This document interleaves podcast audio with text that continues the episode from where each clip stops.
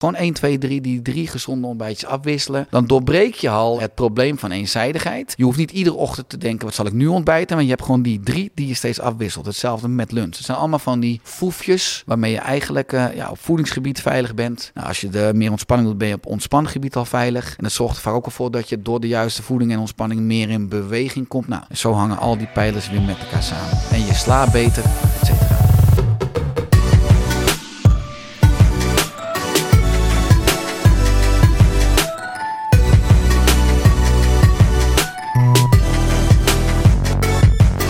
Welkom bij aflevering 45 van Barberio Podcast. Lang gewacht op deze gast van vandaag, Richard de Let. Welkom. Dankjewel, Tony. Leuk dat je er bent. Wederzijds. En uh, voordat ik mijn uh, vragenvuur aan je ga stellen, heb ik nog een kleine boodschap voor de luisteraars, kijkers. Sowieso tof dat jullie er weer zijn. Uh, wordt gewaardeerd. Ik krijg ook steeds meer berichtjes van mensen die het leuk vinden en de gasten natuurlijk leuk vinden. Uh, de mensen kennen mij natuurlijk ook van het werk wat ik doe. Ik geef mental coaching. Dus als jij ergens tegenaan loopt, hoef je niet gelijk een consult, consult bij me af te nemen, maar kun je ook een berichtje sturen. Ik probeer alle berichten ook even te behandelen en in ieder geval wat kleine tips te geven. En als je echt er niet uitkomt, kunnen we altijd nog een uh, consult plannen. Maar voel je vrij om een berichtje te sturen en uh, geniet van deze aflevering.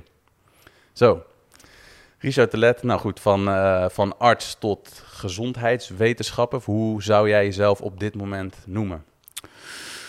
Ja, ik uh, na mijn doctoraal geneeskunde, dus de theorie heb ik uiteindelijk geen artsexamen gedaan. Dus ik ben geen arts. Ik zie mezelf als uh, ja, een beetje als onderzoeker van het leven.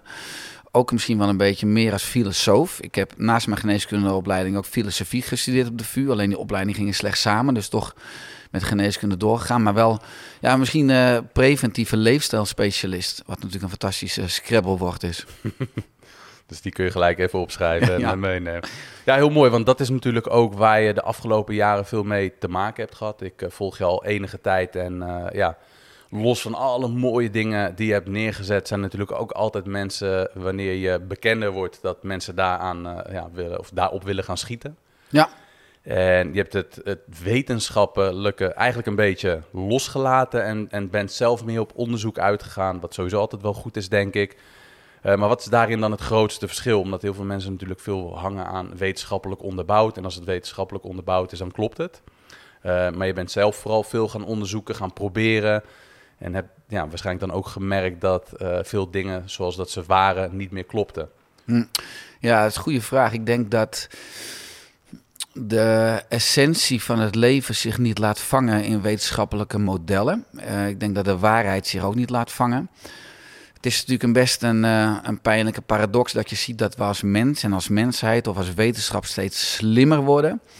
Maar dat de wachtkamers in ziekenhuizen als voorbeeld steeds voller worden. Dat de mens steeds uh, dikker wordt. Dat de mens steeds zieker wordt. Dat de mens steeds zwakker, dus onvruchtbaarder wordt. Dat de mens steeds dommer wordt. Dus we verdrinken in de informatie en de kennis, uh, maar heel veel wijsheid en evolutionaire logica is compleet verloren. En dat stukje logica en wijsheid tracht ik terug te brengen. Daarnaast uh, denk ik ook dat het mens zijn niet alleen maar gaat om weten of die linker hersenhelft. Wat bij veel, nou misschien wetenschaps, maar bij mensen ook een strategie is van weg van de pijn. Om niet te hoeven voelen dat je uiteindelijk een wandelend hoofd bent. En uiteindelijk geen contact meer hebt met je lichaam of met je lichaamsbewustzijn. Maar juist ook dat die zachtere kant, dat voelen. Uh, of dat niet weten. Of uh, het ervaren. En uh, ja, ook de energetische kant. Ik heb natuurlijk ook verdiept in energetische geneeskunde. Ik heb me verdiept in spiritualiteit. Nou, dat combineer ik ook eigenlijk. Dus het, het harde westen uh, en kennis en ook het, het zachte oosten. Misschien veel meer ook geneeskunde en geneeskunst. Ja, dat spel vind ik heel erg leuk. En ik kleur altijd al buiten alle lijntjes. Dat deed ik al in mijn reguliere geneeskundeopleiding. Dat werd toen al niet altijd gewaardeerd, omdat ik vaak lastige vragen stel. Of altijd vraag, maar waarom dan? En niet snel genoegen neem. Dus ook buiten allerlei kaders en out of the box denk. En ja, als je inmiddels dat bereik hebt wat ik heb, uh, zo'n miljoen, anderhalf miljoen mensen per jaar bereikt, dan, ja, dan prikkel je mensen. Dan leidt dat soms tot weerstand, tot, tot schuring en ook tot tegenstand. Uh, maar ja, dat is ook uiteindelijk weer persoonlijke ontwikkeling. Maar aan het einde van de dag draait het erom dat je jezelf in de spiegel kan aankijken en dat je trouw bent geweest aan je eigen kernwaarden. En ik denk mijn eigen zoektocht, dat is eigenlijk wat geleid heeft tot Oersterk. Um, ja, en die lessen, ja, dat deel ik heel graag met anderen. Dus in essentie, dat is ook natuurlijk interessant, is zo'n mooi boek van Jan van Koert met de titel Wat je vindt, mag je houden. Ja, iedereen vindt toch wel wat van je en dat is prima. Uh, alleen als meningen van anderen je raken, dat wil eigenlijk zeggen dat er iets resoneert in jou, dat je dat zelf ook vindt. Wat vaak natuurlijk weer te maken heeft met een oude wond. Uh, of negatieve overtuigingen of subtiele traumaatjes. Ja, dat is weer een mogelijkheid om zelf uh, sterker en zelf vrijer te worden. Om die uh, nou ja, wond uit te werken. Of die negatieve trauma's of die overtuigingen weer in balans te krijgen. Dus de hele buitenwereld is eigenlijk een spiegel van jezelf. Dat is eigenlijk een lang antwoord op je vraag. Maar ja, ik zie het ook als een compliment dat ik uh, bij heel veel mensen dan wat uh, weerstand oproep. Omdat ik eigenlijk mensen wil oproepen om ook alles wat ik zeg aan te nemen met maximale twijfel. Maar uiteindelijk gewoon je eigen waarheid te gaan vinden. En zelf op onderzoek te gaan. En dat is toch wat heel veel mensen ja, uh, niet doen. Die willen een kant-en-klaar antwoord hebben. Ja, want dat is natuurlijk ook hè, de essentie van een gezond leven. Ja, dat is zo'n ruim begrip. En ik sta net uh, water te tappen om uh, de koffiemachine klaar te maken. En dan denk ik, oh ja, kraanwater, dat is natuurlijk ook een thema. Uh, ja, alles wat we eten, consumeren, daar ligt heel veel aandacht op natuurlijk. Maar jij bent ook verder gegaan dan alleen maar voeding en ja, wat we drinken. Uh, gaat het veel verder en ook vooral je zielsmissie duidelijk hebben. En ehm, volgens mij kun je heel gezond eten, maar als je ongelukkig wordt van je werk of van je relatie, is dat uiteraard ook heel ongezond. Ja, ja alles uh, draait om energie. En uh, gezondheid is de eindafrekening van het juiste energiemanagement. Nou, als ik, uh, mijn weegschaal is een, of mijn sterrenbeeld is een weegschaal. Dus een weegschaal heeft twee kanten. De belastbaarheid, hè, dus alles kan energie geven, of de belasting, energie kosten. En als je het juiste energiemanagement hebt op een dag, dus als je op de juiste plek in het leven bent, als je leuk werk hebt, als je omringt met mensen waar je energie van krijgt, als je opbouwende voeding eet, als je beweegt, hè, want die spiercellen maken ook veel energie aan. Uh, als je voldoende slaapt, als je veel in de natuur bent, als je zingeving ervaart, dan ben je eigenlijk aan het einde van de dag voldaan moe en niet uitgeput. Uh, en dan hou je energie over om te groeien. Fysiek, mentaal, emotioneel, spiritueel. Terwijl de meeste mensen die plegen eigenlijk roofbouw. Doen iedere dag meer dingen die energie kosten dan wat energie oplevert. En dat leidt eigenlijk toe dat je leent van de toekomst. En dat is interessant, dat een vrouw gemiddeld nu in het moderne leven bij 40,5 jaar chronisch ziek wordt. En een man nu bij 47,2. Dat we zo'n 40 jaar hebben met ziekenhuizen, met operaties, met artsen, met medicijnen. En dat we dat normaal vinden. Maar het is eigenlijk abnormaal. En wat ik combineer is eigenlijk dat ik de continu afvraag: wat is nou de oorzaak van de oorzaak van de oorzaak? Uh, dus in de reguliere geneeskunde ben ik opgeleid vooral vanuit symptomen en hoe gaan we dat aanpakken, de hoe-vraag. En ik stel bij alles nu de waarom-vraag. Waarom treedt een klacht op? Want alles is eigenlijk een vriendmechanisme. Ik spreek ook liever over signalen. De natuur wil niet dood, wil niet ziek worden. En ja, chronische stress is eigenlijk de oorzaak van welvaartsziektes. En als je dat weer gaat ontleden, kom je eigenlijk bij drie T's die leiden tot uh, nou, de oorzaak van de oorzaak. En enerzijds is een toxische leefstijl. Dus onbalans in ontspanning, in voeding, in beweging. Nou, ik ben denk ik zeker expert op dat gebied.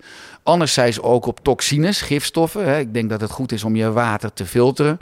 Ik heb van jou hier naast me een glas water staan, gefilterd water. Ik denk dat uh, als je gaat kijken naar, uh, naar gewoon kraanwater en wat experts zeggen, het is veilig. En, en dan kijken ze naar, uh, naar toxische normen. Hè. Het is dus onder bepaalde grenzen. Maar dan heb je het misschien over minimale of op gemiddelde gezondheid. Als je het hebt over optimale gezondheid. Je wil natuurlijk kraanwater hebben zonder gifstoffen en allerlei toxines en hormonen en, en metalen, et cetera. maar ook trauma's is de derde T. En daar is de geneeskunde nog heel weinig mee bezig. Ik heb onder andere een podcast gedaan met Jan Bommeré. Die titel van die podcast was onder bijna alles wat chronisch is, zit trauma. Dus eh, je, je opende de, podcast van ik ben expert op mental, op mentale gebied. Ja, het fascineert me enorm dat het lichaam voor een groot deel gecondenseerde geest is.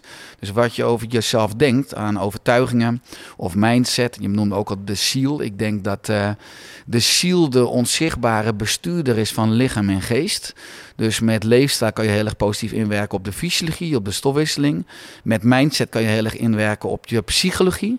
Maar de ziel is de onzichtbare bestuurder. En dat is gewoon, ja, passie betekent letterlijk de taal van de ziel. Dus doe datgene waar je gepassioneerd over bent, waar je enthousiast over bent. Enthousiast betekent God in zich hebben, waar je geïnspireerd over bent, nieuw leven inblazen. En als je ook kijkt dan naar onze anatomie, we hebben hersenen. Dat is eigenlijk ons derde brein. Uh, dat mijn vrouw zwanger was van uh, onze jongste zoon James, hadden we de eerste echo uh, op zeven weken. En dat is magisch, want dan zie je in de foetus een hartje kloppen. Terwijl er nog geen hersenen en nog geen darmen zijn. Dus het hart is eigenlijk het eerste brein. We mogen veel meer naar ons hart luisteren. De darmen noemen we ook het second brain, het tweede brein. Intuïtie, de primaire drijfveren. Er gaan vijf keer zoveel zenuwen van de darmen naar de hersenen als andersom. Dus wat je eet en wat je drinkt heeft ook een groot effect op wat je denkt en wat je voelt en gedrag. Maar ons darmen zijn de tweede brein. En de hersenen zijn eigenlijk veel eerder een soort trouwe slaaf. Is ons minst belangrijke brein. Dus de meeste juiste antwoorden krijg je van je hart en van je onderbuik en soms van je hoofd. En als die drie breinen uitgelijnd zijn, als je in balans leeft, als je contact hebt met je lichaam, ook met je hart en met je onderbuik, ja, dan kan je in mijn optiek pas uh, compleet mens zijn. Dan kan je een moeiteloos leven of in flow. Hè, dan synchroniciteit ook zo wordt. Hè, dat de juiste mensen of ontmoetingen zich op het juiste moment aandienen. Dat is ook zo als je nou, die drie breinen uh, kunt horen, kunt voelen, uh, goed doorbloed worden. En dat, dat is pas als je die oersterk pijlers die ik uitdraag, uh, integreert in je leven. Dus naast voeding, beweging, ontspanning, gifstoffen, trauma's, is het ook vooral... Uh, ja, in essentie voed je innerlijk vuur. Hè, als je het hebt over je, over je, je ziel. En dat holistisch samenspel, ja, daar word ik heel blij van. Dat vind ik heel leuk en dat draag ik met veel enthousiasme draag ik dat uit. Ja, prachtig. En uh, ik kan je goed volgen voor mensen die denken van wow, dit gaat even snel. Waar gaat het allemaal over? Het zou over voeding gaan, wellicht dat ze dat hadden verwacht.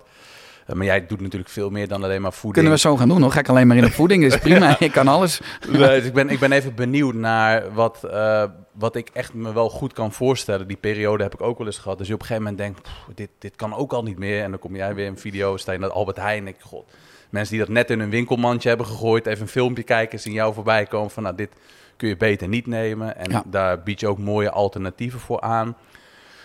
En ik denk ook niet dat het samen te vatten is in uh, eh, 10 minuten hoe mensen uh, in een notendop zo gezond mogelijk uh, kunnen leven.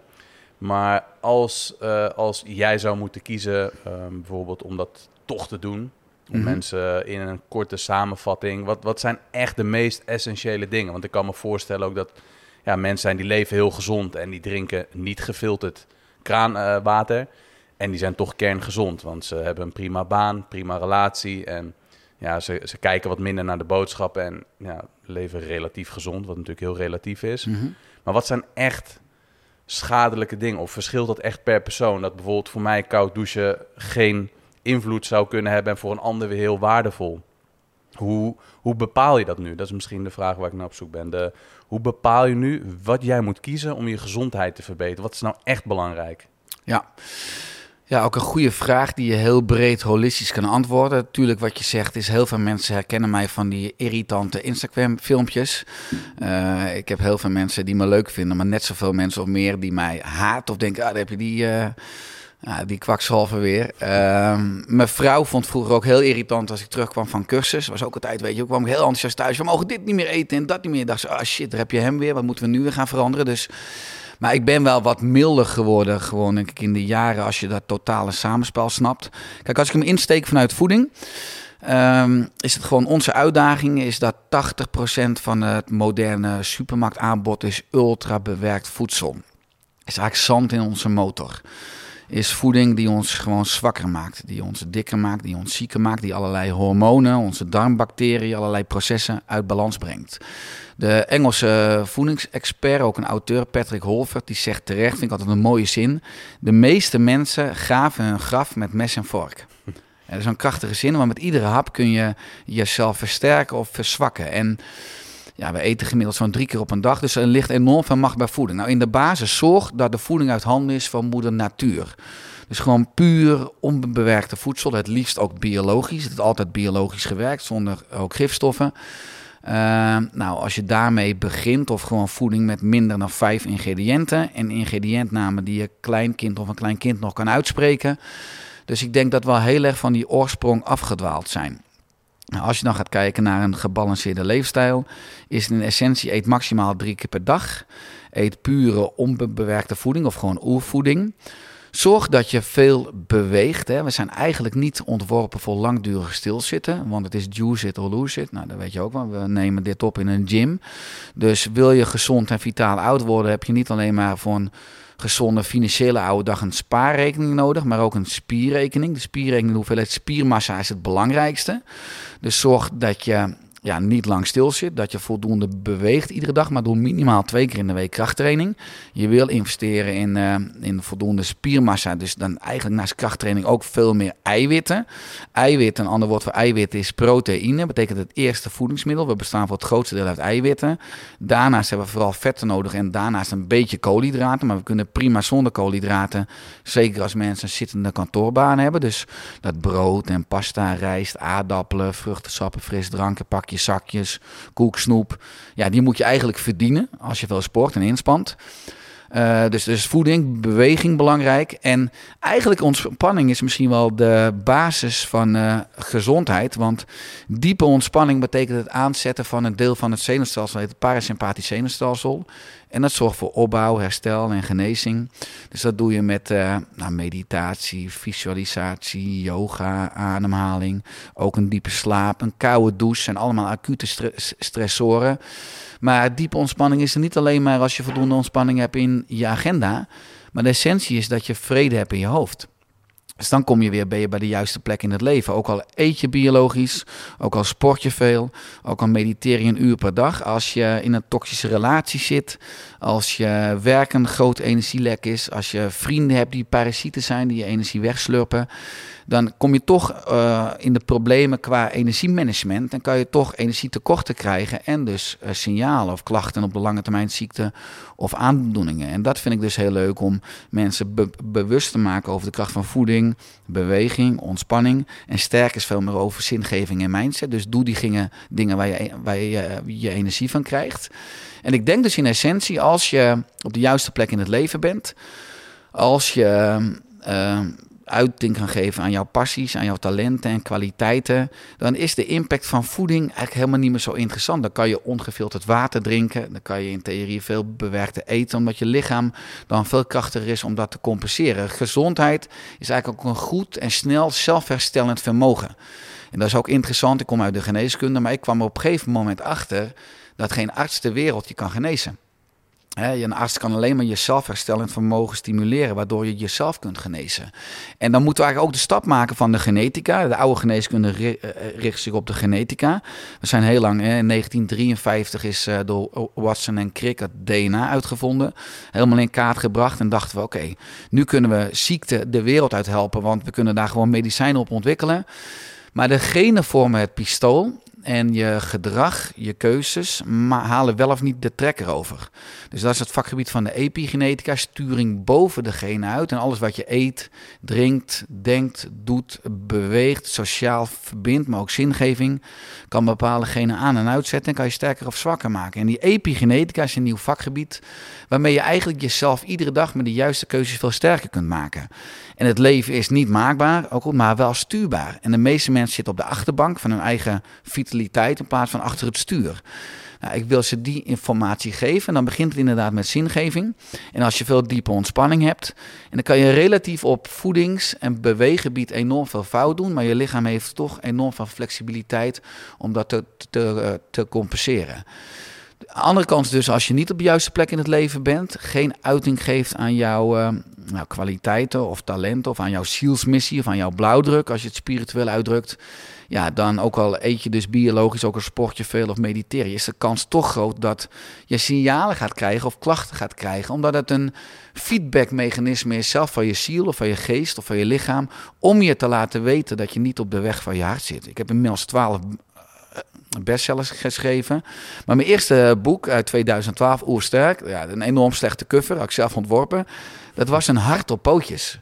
En dat zagen heel veel mensen niet. Ik moest het uitleggen. Het was enorm lelijk. Maar omdat ik daar al in mijn eerste boek uh, enorm veel kennis over voeding, beweging, leg het allemaal uit. Maar de essentie is van volg je de weg van je hart. En als je de weg van je hart doet, kan je heel veel fout doen op leefstijlgebied. Terwijl je dan helemaal niet per se signalen of klachten krijgt. Maar als je ver van je weg af bent, dan kan je relatief veel goed doen, terwijl je dan Hmm. toch si- eh, signalen krijgt. Omdat heel veel klachten, misschien zelfs aandoeningen en ziektes, ook een signaal zijn. Ja, dat is heel spiritueel, dat je niet op de weg van je hart zit. Dus dat is interessant als we dat allemaal gaan combineren.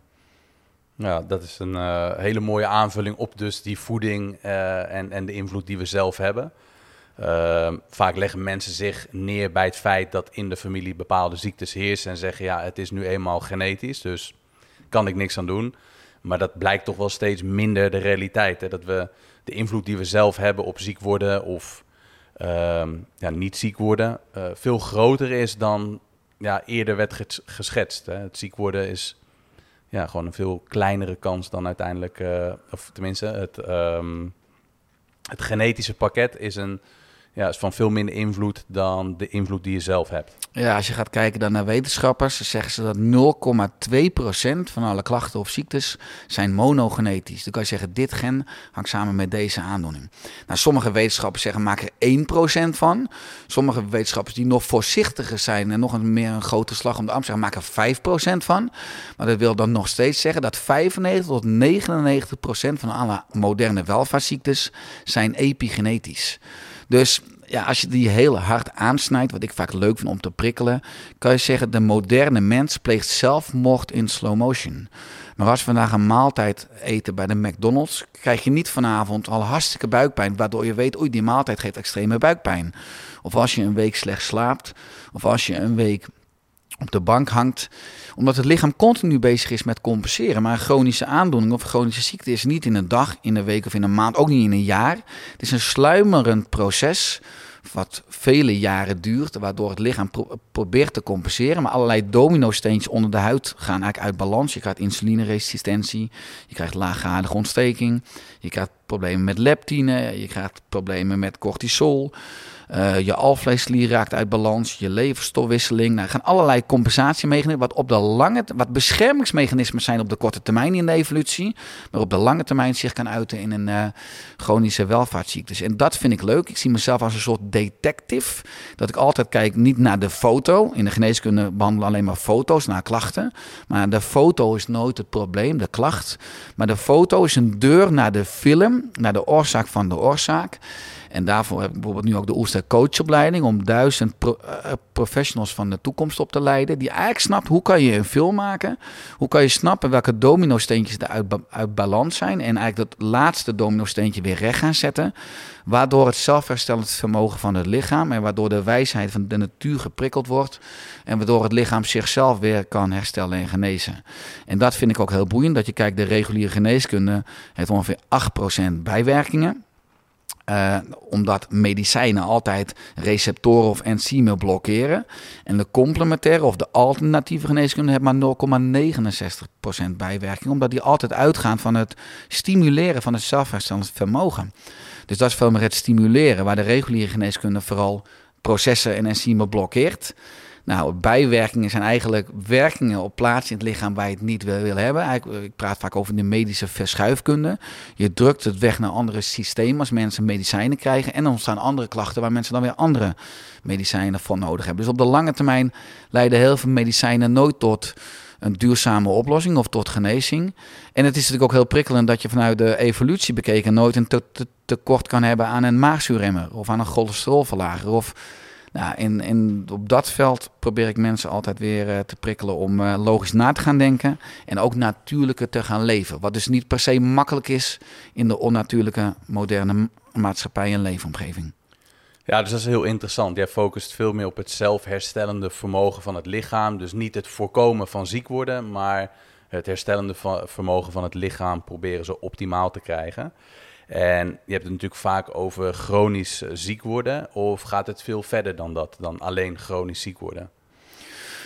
Ja, enerzijds is natuurlijk eh, een stelling voor mij. Waarom zou je mensen pas behandelen als ze ziek zijn, als je er ook eh, ze kunt voorkomen dat ze ziek worden? Hè? Dus dat is natuurlijk preventie. Dat weten we allemaal hoe belangrijk dat is. Aan de ene kant hebben we ook, als je kijkt naar de anatomie van ons brein, een oerbrein en een mensbrein. Nou, het oerbrein bestaat uit de hersenstal, de hersenstam, het reptielbrein, daar zitten de instincten. En het zoogdierenbrein, het limbisch systeem, daar zitten de emoties, onder andere de amygdala met angst. Mensen doen meer dingen niet vanuit angst dan dingen wel vanuit plezier of vanuit passie. En de paradox is ook een beetje dat het oerbrein vaak pas in actie komt vanuit noodzaak en vanuit mhm. pijn. Uh, en het mensbrein komt in actie vanuit verlangen. Maar als je kijkt naar dat oerbrein, is het oerbrein ongeveer op een klok van 24 uur bestaat 23 uur en 55 minuten. Dus dat mensbrein, die cortex, ook vooral de prefrontale cortex, bestaat slechts 5 minuten hè, op één dag. Dus daarom zie je dat het oerbrein veel sterker is, zeker als mensen veel stress hebben of chronische stress ervaren. Daarom is het zo belangrijk dat mensen voldoende ontspanning hebben. En je hebt veel ontspanning als je op de juiste plek in het leven bent en dingen doet hè, die aansluiten bij jouw ziel of jouw passie of bij jouw blauwdruk. Waardoor het mensbrein veel beter doorbloed is en waardoor je ook veel beter naar die juiste keuze kunt maken in de moderne leefomgeving. En eigenlijk moet je dus kijken hoe je je hele leven inricht. En als ja, systemen niet krijgen wat ze nodig hebben, Natuurlijk kunnen we ook kijken naar voedingsgebied. Als je gaat kijken naar de hoeveelheid vitamines, bijvoorbeeld en mineralen of vetzuren. Officiële instanties kijken naar de ADH, de aanbevolen dagelijkse hoeveelheid. Nou, ik praat vaak over de achterhaalde dagelijkse hoeveelheid, over de schietschijf van vijf. Hè, wat niets per se te maken heeft over optimale gezondheid en over onze optimale evolutionaire ontwikkeling als mens. Maar wat veel meer gaat, hoe kan je een populatie van 17 miljoen mensen voldoende calorieën laten binnenkrijgen, betaalbaar. Maar calorieën zijn heel wat anders dan nutriënten en, en optimale gezondheid. Uh, dan moeten we letterlijk heel anders gaan denken, heel anders gaan leven. Dus ja, ik prikkel dan ook graag dat we nu maatschappelijk natuurlijk een gemis hebben aan bijvoorbeeld een maatschappelijk leefstijlcentrum.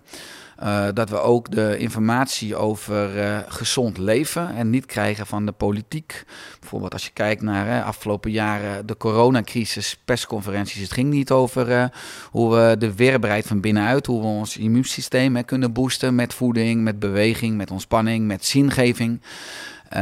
dus ja, dat is een enorm gemis. En dat zie je natuurlijk terug als collectief. Dat 52% van de volwassenen in Nederland heeft overgewicht.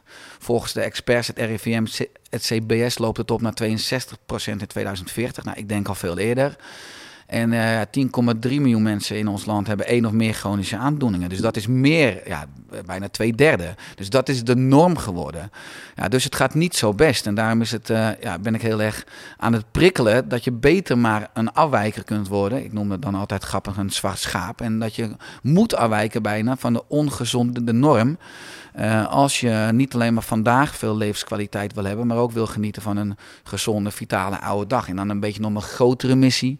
Dat we die wereld vitale doorgeven aan uh, mijn zoons Noah en James, maar aan de volgende generatie.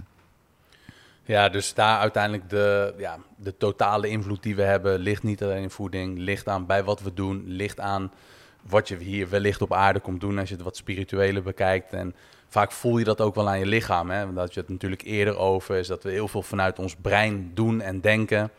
En vergeten om ons hart te volgen. Of als we een bepaald gevoel in onze darmen merken. Of uh, dat is één ding wat die darmen doen natuurlijk. Hè? Dat je dan voelt van oké, okay, er gaat iets niet helemaal goed. Of het voelt niet goed.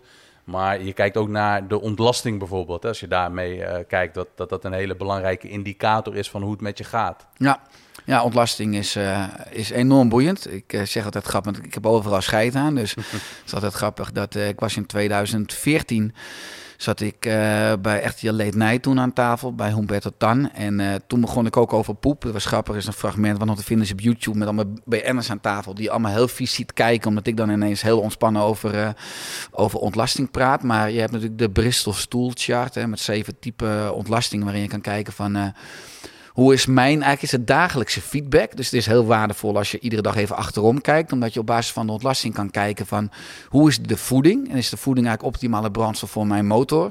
Maar ook in, uh, in ontlasting zie je het functioneren van de maag, van de dunne darm, van de dikke darm, van de alvleesklier, van de galbaas, van de lever. Dus het is een enorme waardevolle feedback. En die organen kunnen ook alleen maar goed functioneren. Niet alleen maar als je goed eet, maar ook als je voldoende ontspant. Want bij stress gaat bloed vooral naar de spieren spieren en naar het brein, weg van de spijsvertering. En je bent niet per se wat je eet, maar je bent wat je opneemt. Dus dan heb je hele dure ontlasting. Dat komt weer dan in de toilet. Ook al eet je biologisch en slik je dure supplementen. Als je niet voldoende ontspanning hebt, heb je niet voldoende bloed in je spijsvertering. Maar ook beweging. En je ziet dat beweging een positief effect heeft bijvoorbeeld op de samenstelling van de darmbacteriën. En uh, chronisch stilzitten een negatief effect. Maar ook zingeving heeft een positief effect op de samenstelling van de darmbacteriën. En eenzaamheid of gebrek aan een levensdoel of zingeving heeft ook weer een negatief effect in de darmflora. Dus alles hangt met elkaar samen. En dat vind ik echt een magisch samenspel. En als je ja, die verbanden en principes een beetje gaat snappen en je leven ja, in bepaalde gebieden waar voor jou de meeste verbeterkracht ligt, in simpele kleine stapjes gaat aanpassen, ja, dan krijg je gewoon op lange termijn een groot exponentieel effect. Wat je ook terugmerkt in je fysieke energie, in mentale rust en daarmee ook een beetje met voldoening en, uh, en zingeving in je leven. Ja, en bij jou was dit een tijd terug uh, ja, ook niet helemaal op orde. Dat merkte je dan aan dat je wat minder ging posten, meer tijd voor jezelf nam en uh, los van de voeding, waar je natuurlijk al een hele tijd mee bezig bent. Hoe merkte jij dat bepaalde dingen bij jou dan niet meer goed gingen? Wat, wat voor signalen kreeg je en, wat voor moment dacht je van dit moet anders? Uh, kijk, als je brein goed functioneert, zou je kunnen zeggen, dan ervaar je ook veel dankbaarheid.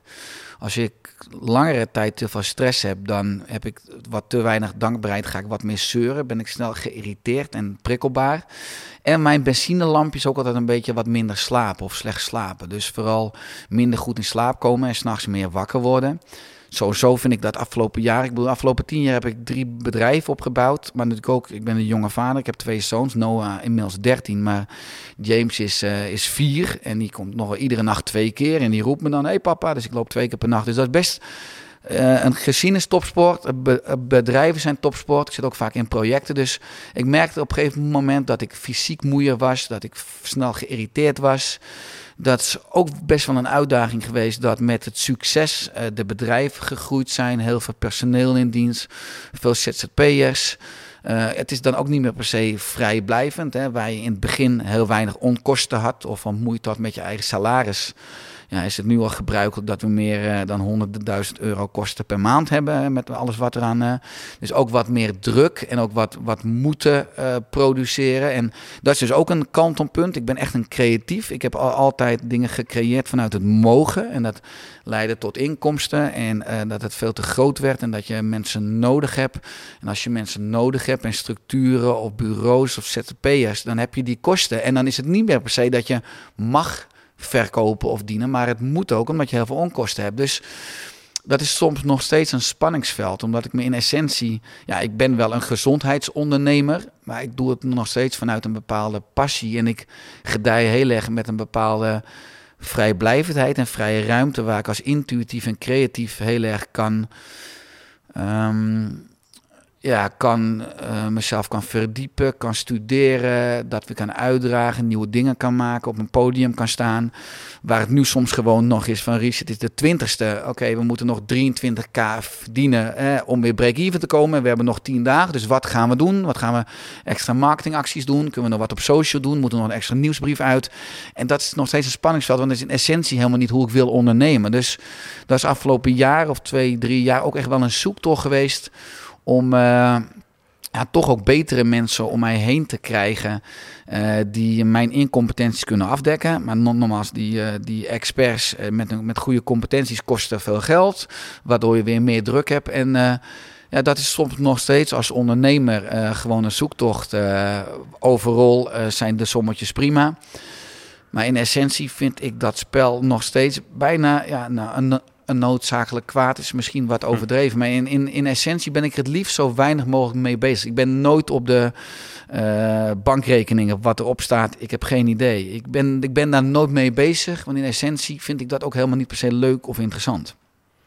Ja, en, en mensen die dus in een wat lastige situatie zitten, die dus bijvoorbeeld rekeningen hebben die, uh, die zich opstapelen, lastige situatie zitten op werk of een, in een lastige relatie zitten die kiezen automatisch dus ook hè, dan makkelijker voor ongezonde keuzes. En hoe blijf je dan toch uh, dicht bij jezelf en jouw gezondheid als je dus in een situatie zit waar, ja, dat merk je vaak toch wel, mensen die wat minder te besteden hebben of op een wat lastigere plek zitten, ik kan me voorstellen dat ook voor jou dat af en toe lastig is. Weet je, wanneer je veel druk hebt om dan de juiste keuzes te maken. Maar hoe, hoe blijf je dan de juiste keuze maken? Of hoe doorbreek je verkeerde keuzes maken? Ja, ik denk dat het goed is om bepaalde routines of rituelen te ontwikkelen in je leven, in je agenda, waardoor je daar veel minder over na hoeft te denken.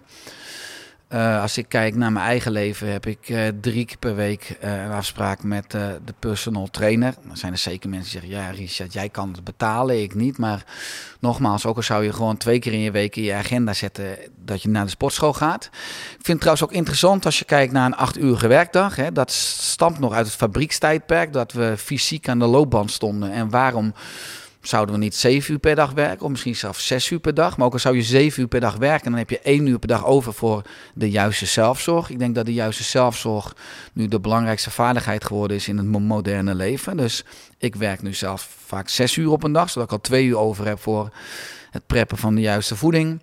Uh, ook nou, ik heb een hond, wat bijvoorbeeld ook uh, Bobby, wat een veiligheidspal is, waardoor ik twee keer per dag al met Bobby in het park loop, hè, waardoor je bij spreken al een uur per dag loopt.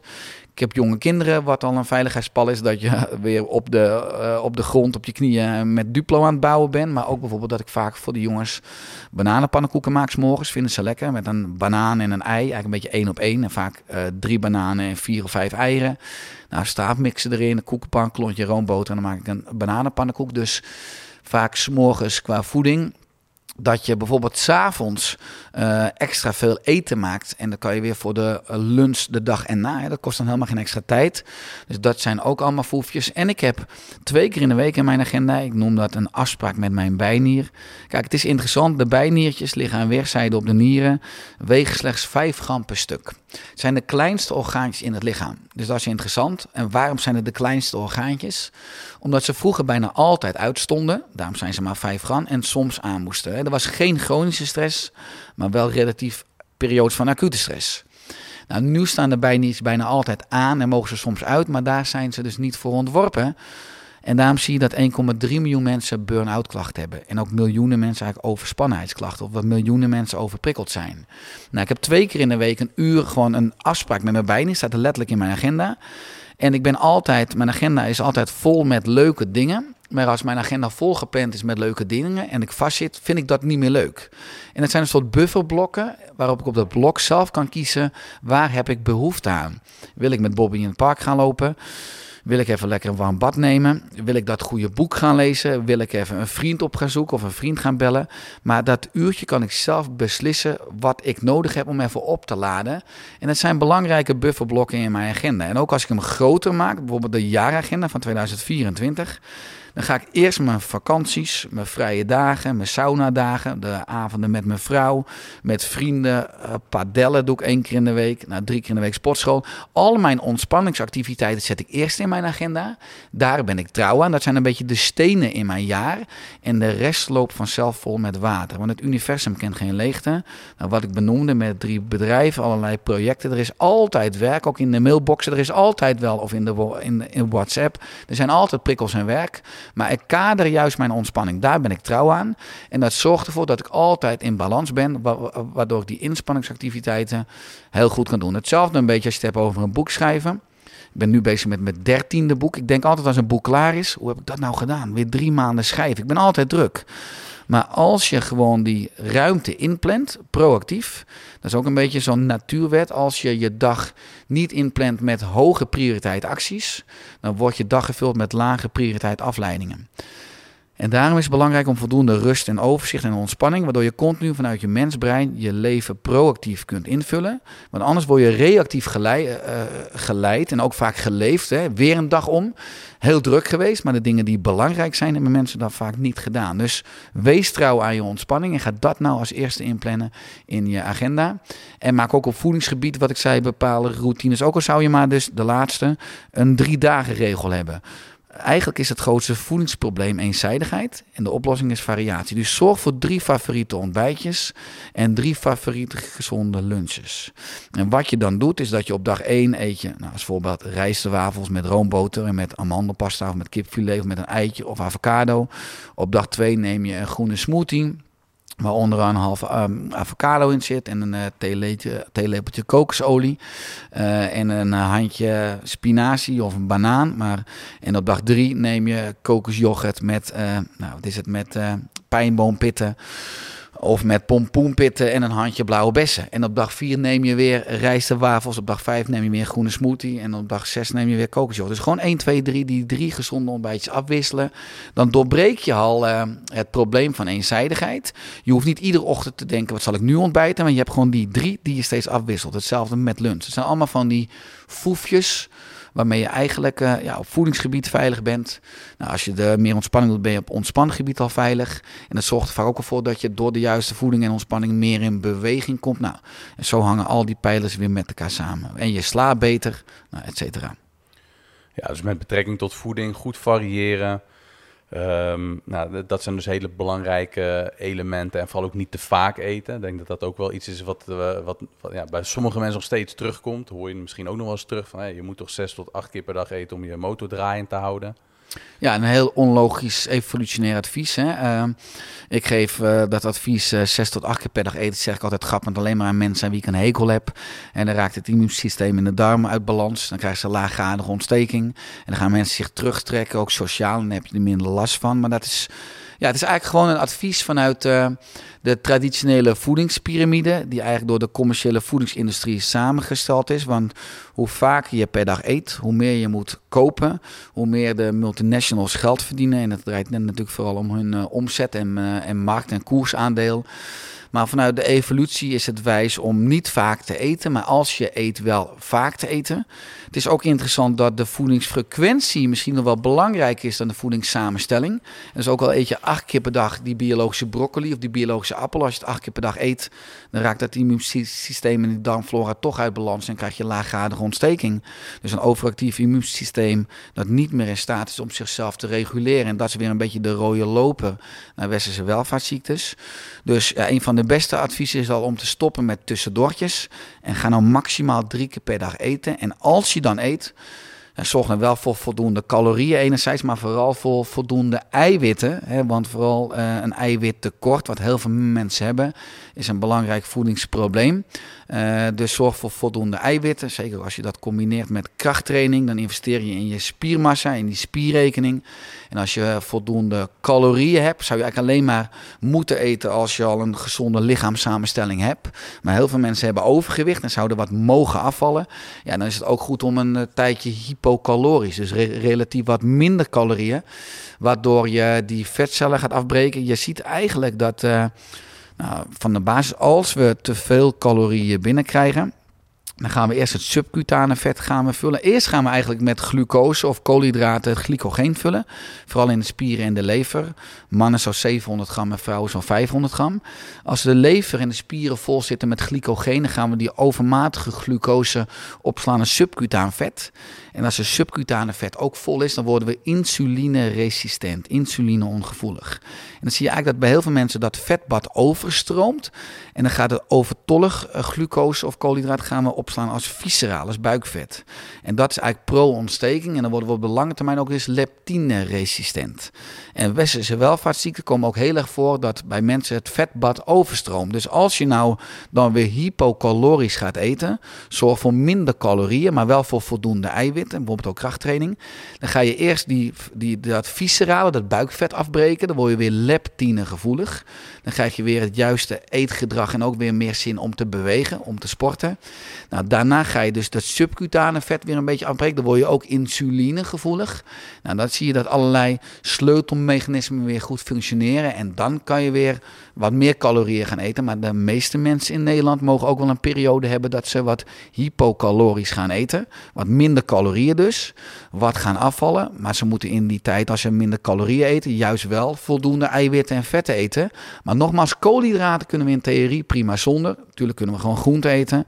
Maar zeker ook heb als je de moderne bewerkte koolhydraten, brood, pasta, rijst, aardappelen, vruchtensappen en frisdranken. Ja, de meeste mensen zouden daar wel mee mogen stoppen. En dat is natuurlijk ook al iets als je dat uitspreekt. Mensen zeggen, huh, dat hebben we toch nodig voor optimale gezondheid. Helemaal niet per se, we kunnen prima zonder. Nogmaals, als je veel beweegt en sport, prima. Maar als je een stilzittend leven hebt, of ook een kantoorbaan, ja, dan kan je zeker beter zonder. Ja, want die brandstof uh, kun je ook prima uit vet en eiwitten halen. Ja, die gluconeogenese, het aanmaken van glucose, kunnen we uit alles. Ook uit vetten en uit eiwitten in nood. Ja, en wat nog wel mooi was, jij gaf dat net al aan. Hè? Dus wanneer je bijvoorbeeld uh, slecht leeft of ongezond leeft, dan word je niet gelijk morgen ziek. En zo werkt het natuurlijk ook met de andere zijde, met het behalen van resultaat, met afvallen, met weer gezonder worden, met klachten vermijden. Dat kan soms ook maanden tot jaren duren. Voordat je dus alles wat kapot is gemaakt weer langzaam repareert of dat het afvalproces ook wat langzamer in gang komt. Klopt. Het werkt eigenlijk twee kanten op. Ja, ik zeg altijd het. Uh, als je kijkt naar alle cellen in ons lichaam, die worden vernieuwd bijna in zo'n 90 à 100 dagen. Dus dat vind ik ook mooi. Dat is bijna ook weer iets spiritueels. Dat als ik over drie maanden met jou weer een nieuwe podcast zou opnemen, hè, want dit wordt natuurlijk een lijn succes, hè, dan zit er weer een nieuwe, bijna een nieuwe omhulling hier op, uh, op deze stoel. En dat vind ik ook zo mooi, dat je wordt één keer in je leven geboren. Dat is je geboortedag, maar je kunt op ieder moment in je leven weer herboren worden. En dat is eigenlijk als je bepaalde nieuwe informatie krijgt, dan neemt je bewustzijn toe. Dan kan je ook je, je perceptie doorbreken. Nou, dat denk ik ook in jouw vakgebied. Je kan je ook je oude conditionering doorbreken. Maar ook je kan jezelf helemaal letterlijk weer opnieuw op gaan bouwen. Je kan een nieuwe omhulling, je kan een sterkere versie bouwen. En ja, gezond leven is eigenlijk een levenslang optimalisatieproces. Uh, ook ik heb altijd in mijn leven weer aandachtspunten. Je bent, eh, balans is ook geen statisch woord. Het is een soort kort waar je oploopt. En je moet continu, continu moet je je blijven aanpassen om op dat kort te blijven lopen. En dat vind ik een enorm leuk spel. Maar ja, daarin moet je ook respect hebben voor het lijden. Bijvoorbeeld als je het concreet maakt op voedingsgebied. Ook al zouden mensen stoppen met uh, het, uh, het nemen van kunstmatig suiker in de thee of de koffie. Of suiker in de, in de voeding. Ja, dan is dat zo'n twee weken enorm pittig en vaak zwaar. Omdat die smaakreceptoren zich vernieuwd worden in zo'n 10, 12 dagen. Dus als je dan stopt met suiker in de thee, koffie, vind je het in 10, 12 dagen enorm vies. Hè? Dan weer je die thee en die koffie af. Maar na twee weken zijn die smaakreceptoren vernieuwd en dan vind je het eigenlijk lekker. En als iemand na een maand suiker toevoegt in je thee of koffie, dan weer je het af omdat je de zoetheid weer vies vindt. Dus we moeten respect hebben voor het lijden, wat we bijna niet meer hebben. En je omringen ook met mensen die je stimuleren en omhoog duwen om te groeien. En uh, in kleine stapjes zo steeds beter worden in leven. Ja, mooi verwoord. Dus alle invloeden van buitenaf zijn ook natuurlijk heel belangrijk. We zijn enorm te beïnvloeden door omgeving, door al het, uh, het nieuws en, en, dergelijke wat we binnenkrijgen. Wat, wat ik altijd wel een mooie omschrijving vind van het dieet. Dat, dat het dus niet alleen de voeding uh, omvat. Uh, maar ons daar ook een beetje tegen wapenen. Tegen alle invloeden die dus van buitenaf komen. En, en dat volgens mij 95% van ons gedrag is onbewust. En dat kaart je net al een beetje aan. En ja, hoe, hoe, belangrijk dat dus is. Niet alleen gewoon wat we zelf zeggen en hoe we met onszelf en tegen onszelf praten, maar ook onze omgeving, ons dieet in zijn algemene zin. Dus niet alleen de voeding. Dat er dus ontzettend veel factoren zijn die meespelen en dat we dat lijden, hè, als het ware, op de korte termijn blootstellen aan honger, eh, niet continu willen eten. Even die zoetigheid in het begin laten staan. Dat we daar wel wat vaker aan blootgesteld mogen worden. Aan dat korte termijn ongemak en het lange termijn plezier. Ja. ja, absoluut. Ik denk als we altijd kiezen voor de makkelijkste keuze.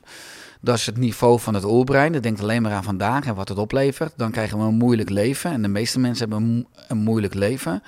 Maar als je soms kiest vanuit je mensbrein voor de moeilijkste keuze, dan krijg je een makkelijk leven. En dan maak je inderdaad de stap van lijden met een lange ei naar lijden met een korte ei. En wat je zegt, alles is voeding. Dus ook je gedachten zijn mentale voeding. Maar ook, ja, ik heb zelf uh, geen televisie, ik kijk geen nieuws, ik lees ook geen kranten, want nogmaals, het moet ook allemaal verteerd worden. En zorg juist ook in je huis voor, uh, voor noodzaken. Dus als ik s'avonds trek heb, of ik werk tot laat door en ik ga zoeken in mijn koelkast of mijn voorraadkast, dan vind ik daar geen pak stroopwafels, ik vind geen zak M&M's. Dus ik kan de foute voedingskeuze ook niet maken. Maar ook in mijn werkomgeving heb ik allerlei noodzaken. Ik heb een stabureau, hè, die luxe directeurstoel van leer, die heb ik weggedaan. Want ja, mijn kont, hè, een soort magneet voor luiheid, zat er toch veel te vaak in. Dus ik heb noodzaken waardoor ik enerzijds veel sta. En anderzijds heb ik de printer ver weg en de kopieerapparaat uh, en de waterkoker en het koffieapparaat, waardoor ik veel moet bewegen en dus niet lang stil zit.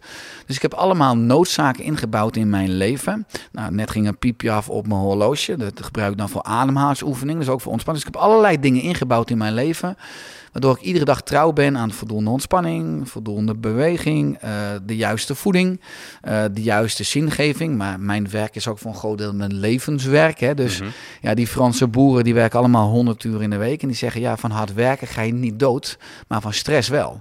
Dus als je op de juiste plek in het leven bent, ook in je vak of in je, ja, dan maakt het eigenlijk helemaal niet uit hoeveel uur je werkt, want dan, ja, je wordt van binnenuit aangedreven.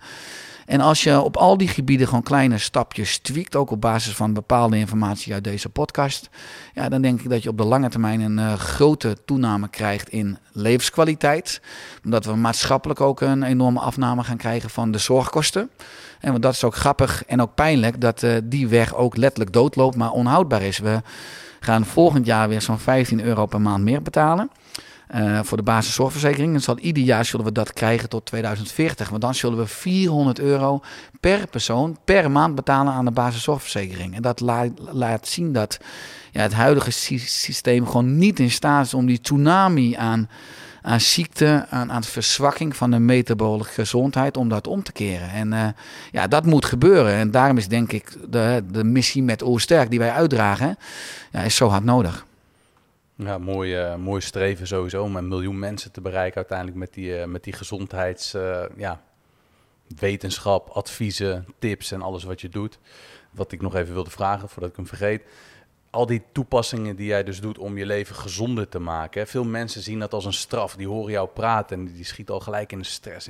Ja, de printer in een andere kamer en hoe kun je het nu een beetje leuk maken of, of, of anders gaan bekijken dat al die dingen die je dus doet, die voor je eigen gezondheid zo belangrijk zijn, dat we dat anders, ja, dat we dat anders gaan bekijken. Bijvoorbeeld ook dat vasten, dat veel mensen oh, stress en ik heb het ook wel eens gehad dat ik dan uh, ja, bijvoorbeeld begin, begon met intermittent vasten.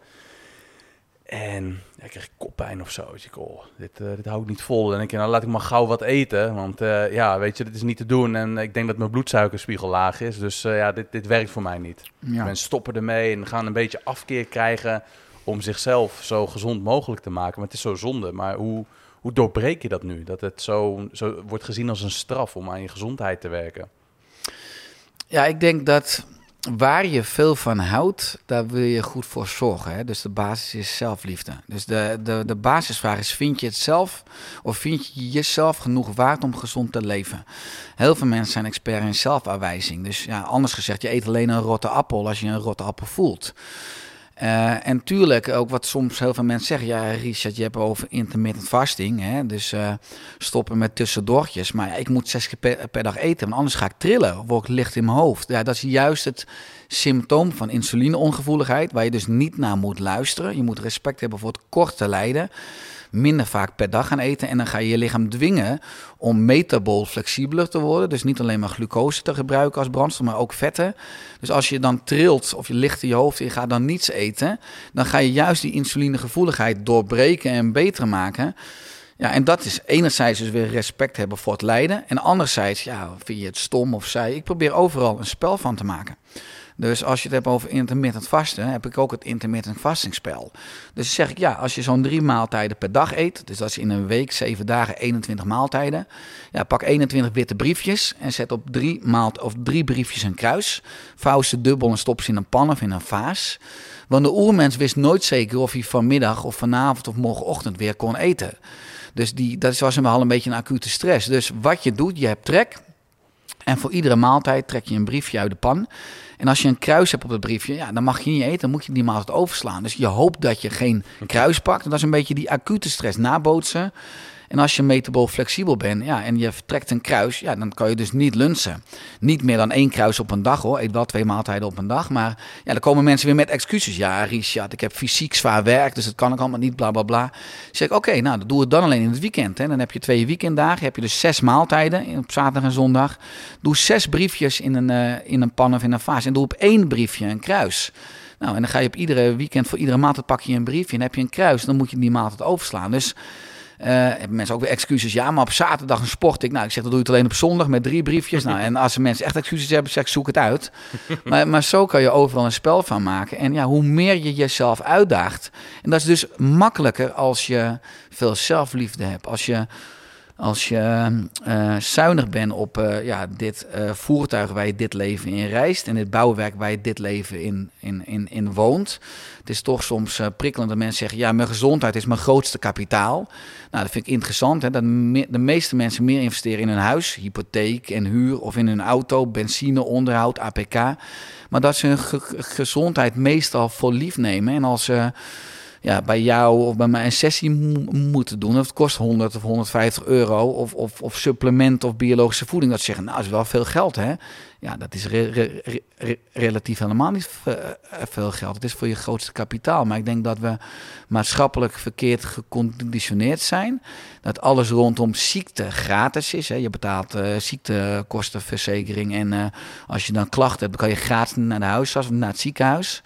Maar als je het hebt over gezondheid en over uh, optimale gezondheid en ook beter worden en sterker worden of preventief, ja, dan uh, ben je zelf verantwoordelijk. Maar dan moet je ook zelf meer tijd, energie en ook geld investeren. Ja, en dat krijg je exponentieel terug. En uh, alleen dat maatschappelijk mogen we daar heel anders over gaan denken. En ook heel anders na gaan leven. Ja, dus het is wel belangrijk om meer prioriteiten te stellen. Wat je net ook al zei, hoe je een week of hoe je een leven invulling geeft. Dat het eerst moet gaan over de gezondheidsdingen. Ja. Een legere agenda, dat er ruimte is voor ontspanning. En dan pas gaan invullen met ja, zaken die natuurlijk ook heel belangrijk zijn. Werk, geld verdienen. Maar dat, dat het niet zo moet zijn dat dat een eeuwig excuus is waar we dan maar ons achter verschuilen. Van ja, geld is een probleem, werk is een probleem, relatie laat het niet toe dan zal het ook nooit veranderen. En dan misschien kleine stappen maken of ja, de alternatieven die jij geeft of de oplossingen en toepassingen, ja, dan dat is maar gewoon een manier dat werkt voor jou. En als dat dan niet voor anderen werkt, probeer dan zelf creatief na te denken over ergens een spel van maken met dat intermittent vast. Ik heb hem wel eens voorbij zien komen en ja, dat is een spelende manier of een, een spelende wijs oplossing om ergens wat meer plezier aan te beleven. En het creatief blijven nadenken over oplossingen. Is dat ja, als je zegt ook, ja, ik gooi die deur dicht. Ja, dit is nu eenmaal mijn situatie. Kom je sowieso nergens. En, en vooral belangrijk om zelf ja, creatief na te blijven denken over die gezondheidsoplossing. Om die zo leuk mogelijk te maken. Ja, en ja, ik denk dat het ook gaat over uh, eigenaarschap. Hè? Dat alles in je leven uh, toch ook wel uh, het gevolg is van alle keuzes die je tot nu toe hebt gemaakt. Dus als je eigenaarschap durft te pakken over alles wat zich nu in jouw leven aandient, ook de minder leuke dingen. Natuurlijk als je zegt, ja, maar ik heb nu werk wat of ik heb nu dit. Ja, je hebt het toch allemaal zelf aangetrokken. Vaak is het onbewust. Maar ook als ik kijk naar mijn eigen pad. Ik heb ook met mijn vrouw twaalf jaar op een uh, acht uh, hoog appartement gewoond. En niet, dat was ook prima. Fantastisch jaar geweest in de opbouw. Dankzij uh, zorgtoeslag en huursubsidie. ook jaren gebufferd dat ik, of gebuffeld dat ik me 60 uur per week moest verhuren in, aan thuiszorginstellingen. Aan verpleeghuizen toen ik bezig was met de opbouw van Oersterk. En dat er nog verre van winstgevend was. Ik heb ook nou, enorm veel dus tegenslagen, persoonlijke overtuigingen. Uh, periodes gehad dat ik 50.000 euro schuld had. En dat ik ook nou, eigenlijk de handdoek in de ring had kunnen gooien. Maar ja, die passie is altijd groter geweest. En uiteindelijk zien mensen het succes. Maar ja, ik heb enorm veel respect gehad voor het lijden. En voor alle uitdagingen en tegenslagen die je tegenkomt. Altijd eigenaarschap gepakt en uiteindelijk verantwoordelijkheid gepakt. En uh, altijd uh, stapje voor stapje blijven werken aan, aan die toekomstdroom. En wat kan ik vandaag doen? En genieten op mijn vierkante meter vandaag. Uh, maar ik denk dat het ook ja, te maken heeft met het eigenaarschap durven pakken en niet de verantwoordelijkheid buiten je leggen. Ook een beetje traditioneel in de reguliere geneeskunde. mensen hebben klachten en gaan naar de huisarts of naar de arts toe en ja, gaat u het maar voor me oplossen of geef maar een pilletje. Nee, uh, je bent zelf verantwoordelijk en een arts geeft advies en dan kan je ja of nee op zeggen. Hetzelfde als je naar ortomoleculaire artsen gaat of nou ja, uh, mental coach of maakt niet uit. Maar je bent uiteindelijk zelf verantwoordelijk. En, uh, maar dat heeft wel te maken met eigenaarschap. En dat vinden heel veel mensen spannend en eng. En dat is het ook. Maar uiteindelijk is de enige zekerheid en de enige grip en controle uh, ligt in jezelf en niet buiten jezelf. En dat is natuurlijk ook gewoon een proces van persoonlijke ontwikkeling. Ja, want met, met ziek worden bijvoorbeeld uh, grijpen we gauw naar medicijnen, gaan we naar de huisarts, willen we daar iets voor hebben, wat dan ja, bijvoorbeeld de ontstekingen, want vaak ook wel het ziek worden, het zijn ontstekingswaarden die wat hoger liggen en die uit zich dan bij iedereen weer op een andere manier. Bij mij was dat dan astma en daar was een pufje voor en er werd niet gevraagd naar leefstijl, er werd niet gevraagd, er werd, er werd eigenlijk vanuit gegaan dat ik als personal trainer gezond at en mijn conditionele oefeningen deed. En dat was ja, die periode niet altijd zo. En dan kom je bij een ortomoleculair therapeut en die zegt niet, nou, nu moet je supplementen nemen, that's it. Maar die gaat gewoon kijken naar wat voor klachten ervaar je en waar komen die mogelijk vandaan. En dat is toch wel een wat groter onderzoek. En uiteindelijk moest ik ook dingen gaan doorbreken waarbij ik dacht, ik kom er wel mee weg, kwam ik dus niet mee weg. En dat was voor mij vooral suikers, minder suikers eten, melkproducten een beetje mijden. Ik kreeg ook wel veel vragen over van mensen van, hey, hoe, uh, hoe ben jij van je astma afgekomen? En ja, bij de huisarts of iemand die dus met een, een longspecialisme daar zat, werd eigenlijk gezegd, als je de puffjes niet gebruikt, uh, ja, dan wordt het erger. En kom je, je komt hier nooit meer vanaf om die puffjes niet te gebruiken.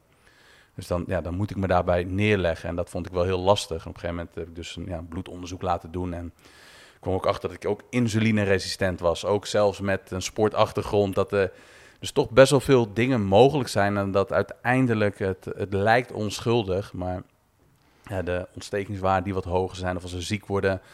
daar hebben we dus toch echt actie in te ondernemen. En ik ben minder vaak gaan eten. Dat helpt voor mij ook wel goed. Want dat is uiteindelijk ook als mensen dus ziek worden, uh, wordt ook steeds vaker als een advies gegeven om minder te gaan eten of, of zelfs te gaan vasten. Ja, nee, ja. Wat je zegt is uh, nogal een paradox dat heel veel topsporters, ik begeleid ook een aantal topsporters, insuline-resistent zijn, omdat ze ook heel veel uur vooral per dag stilzitten en ook echt gamen. maar ja, dat vind ik dus boeiend wat je zegt, dat je astma hebt. En ja, dan denk ik altijd van, dat is eigenlijk die holistische puzzel. Oké, dat is dan een, een klacht en dat is de deur. Maar dat kan zijn, heel veel mensen ademen verkeerd, overademen, waardoor je ook spasmen kan krijgen natuurlijk in de CO2, O2 en ook in de, in de longen en in de bronchiën. Maar de longen is natuurlijk slijmvlies, hangt natuurlijk samen met bijvoorbeeld met de huid en ook met de darmen. Uh, ik heb in mijn praktijk vriendelijke geneeskunde heel veel patiënten gehad. Die hadden bijvoorbeeld een huidklacht. Nou, dan ga je naar de huisarts, krijg je een hormoonsalfje. Ja, dan gaat de huidklacht weg. Maar de, de, de, het signaal is eigenlijk niet begrepen. Dus het gaat dan naar een vitale orgaansysteem. Bijvoorbeeld naar, naar de longen. Nou, dan hebben mensen astma. Ga je naar de huisarts, krijg je dus een puffertje. Is het signaal weer niet begrepen. Dus dan ga je eigenlijk steeds gaat de klacht naar een groter, vitaal, uh, uh, groter vitale orgaansysteem. Dat zijn dan de darmen. Dat bijvoorbeeld mensen twee, drie, drie jaar later een chronische darmontsteking hebben. En dat is dus die medische verschuifkunde omdat we uiteindelijk het samenspel niet begrepen hebben. En als we in het moderne leven, wat veel mensen hebben, bijvoorbeeld te veel gifstoffen binnenkrijgen en de lever het niet meer aan kan, hè, dan gaat het de huid gebruiken als extra ontgiftingsorgaan, wat ook terug kan komen bijvoorbeeld in de longen. Nou, de lever is ook, hangt samen met irritatie en boosheid. Ook de Chinese orgaanklok is vooral tussen 1 en 3 s'nachts, als mensen dan veel wakker worden. De longen hangt samen met verdriet, is meer tussen 3 en 5 uur s'nachts, als mensen dan vaak wakker worden. Dus ook het emotionele aspect kan je naar kijken bij astma. Uh, als je het hebt over koelmelkproducten, leidt dat heel erg tot verslijming, ook in de, in de darmen en in de darmflora, wat ook weer tot uh, luchtwegproblemen, zie je vaak ook bij kindjes en bij babytjes, uh, maar ook tot huidklachten. En dat holistische samenspel heb ik nooit in mijn geneeskundeopleiding geleerd. Dus ik vond het enorm magisch dat ik na mijn geneeskundeopleiding in de orthomoleculaire geneeskunde, hè, orthomoleculair betekent de juiste bouwstenen van het leven, uiteindelijk gespecialiseerd in de psychoneuroimmunologie, ja, heb ik in twee jaar eigenlijk meer geleerd dan in die zes jaar geneeskundeopleiding. En ja, dan is, zijn bepaalde dingen zo simpel en magisch, ook hoe je mensen kunt begeleiden naar een betere of naar optimale gezondheid. Dat je heel veel klachten, signalen dus heel uh, relatief in korte tijd weer ziet verdwijnen. Omdat het lichaam enerzijds niet krijgt wat het wel nodig heeft. En anderzijds wel krijgt wat het niet nodig heeft. En als je die factoren geeft en weghaalt. Uh, wat je ook zegt, wat je dus vaak die antwoorden vindt buiten het reguliere systeem. Nou, ik zie mezelf als bruggenbouwer, een brug tussen regulier en complementair. Maar dan hebben we nog een enorme weg te gaan om de huidige ziekte-tsunami uh, ja, als collectief zeg maar, uh, weer terug te gaan draaien. En uh, ja, heel veel antwoorden vind je in de complementaire geneeskunde. Vooral met chronische aandoeningen. Heel veel antwoorden vind je in de reguliere geneeskunde. Vooral op het gebied van acute geneeskunde. Nou, als we die krachten nou zouden gaan bundelen, dat is echte magie. Want eigenlijk is de grootste lijden in de geneeskunde is dat we regulier en complementair of alternatief gescheiden hebben. Vooral vanuit ego en vanuit financiële belangen. Want ja, ziekte is een fantastische economie. Er werken anderhalf miljoen mensen in de ziektezorg. En helaas is het zo dat de economie nog steeds boven de ecologie staat, waarover, waaronder de volksgezondheid. En ja, voor een duurzame economie moeten we echt de, de, de ecologie, de volksgezondheid moet, moet eens zijn. En ja, dat is mijn missie. en dat hoop ik, en ik, dat gaat aankomende 20, 30 jaar gebeuren, omdat er te veel mensen straks chronisch ziek zijn, waardoor er noodzaak ontstaat. Uh, waardoor er dan denk ik ook een heel andere economie gaat ontstaan. Veel meer vanuit gezondheid als startpunt in plaats van vanuit ziekte. Uh, maar we zitten nu nog steeds eigenlijk op een doodlopend pad. Ja, misschien moet dat eerst nog even erger worden voordat het beter wordt. Uit chaos ontstaat nieuwe orde. En die chaos zal nog aankomende jaren groter worden, waardoor uiteindelijk er een betere orde gaat ontstaan. Ja, en, en belangrijk dus om te beseffen als je een signaal krijgt, of dus een klacht van je lichaam krijgt, hè, of een, een, klacht krijgt en dus een signaal van je lichaam, kun je dat zien als een lampje die van je auto gaat branden. En nu kun je ergens bij uh, een garage laten wissen, dat lampje. Uh, maar goed, dan ga je dus doorrijden of je gaat met die klachten doorlopen. En dan kan het probleem dus eigenlijk groter worden dan dat je het eigenlijk gaat onderzoeken. Van hey, waarom heb ik die klacht? Ja, zie het als een vriendmechanisme. En ga inderdaad op zoek toch, waar is er wat uit balans in mijn leefpatroon enerzijds. Dus in mijn eetpatroon, of in mijn bewegen, of in mijn zitpatroon, in mijn ontspanpatroon, in mijn denkpatroon, in mijn slaappatroon. Kan ook dus vanuit je geest en vanuit je mindset uh, een signaal zijn, maar ook vanuit je, vanuit je ziel en vanuit zingevingsaspecten. En ben je op de juiste plek in het leven. En als je zo gaat kijken eigenlijk naar klachten, dan... Uh, dan kan je in theorie ook heel dankbaar zijn voor ieder signaal, omdat het je altijd wil helpen. Het dient je altijd. Maar dan moet je altijd even wat dieper kijken. En op de lange termijn is het altijd een voordeel. Dan kan het je heel veel moois brengen. Ja, dat vond ik ook wel mooi wat je net zei ook, is dat je veel minder moet focussen op calorieën en veel meer moet focussen op vulling en op, op nutriënten. ja. Dus dat je de juiste voedingsstoffen binnenkrijgt en als je de juiste voedingsstoffen binnenkrijgt, heb je dus ook weer minder te maken met honger. En uh, ja, maar dat is vaak ook wel een signaal als je heel erg honger hebt of je hebt heel erg zin in zoet of heel erg zin in zout. Dat dat een signaal is dat je bepaalde vitamines tekort komt. Ja. ja, ik had verleden week weer een lesdag die ik gaf aan onze Academy over voeding. Een hele dag.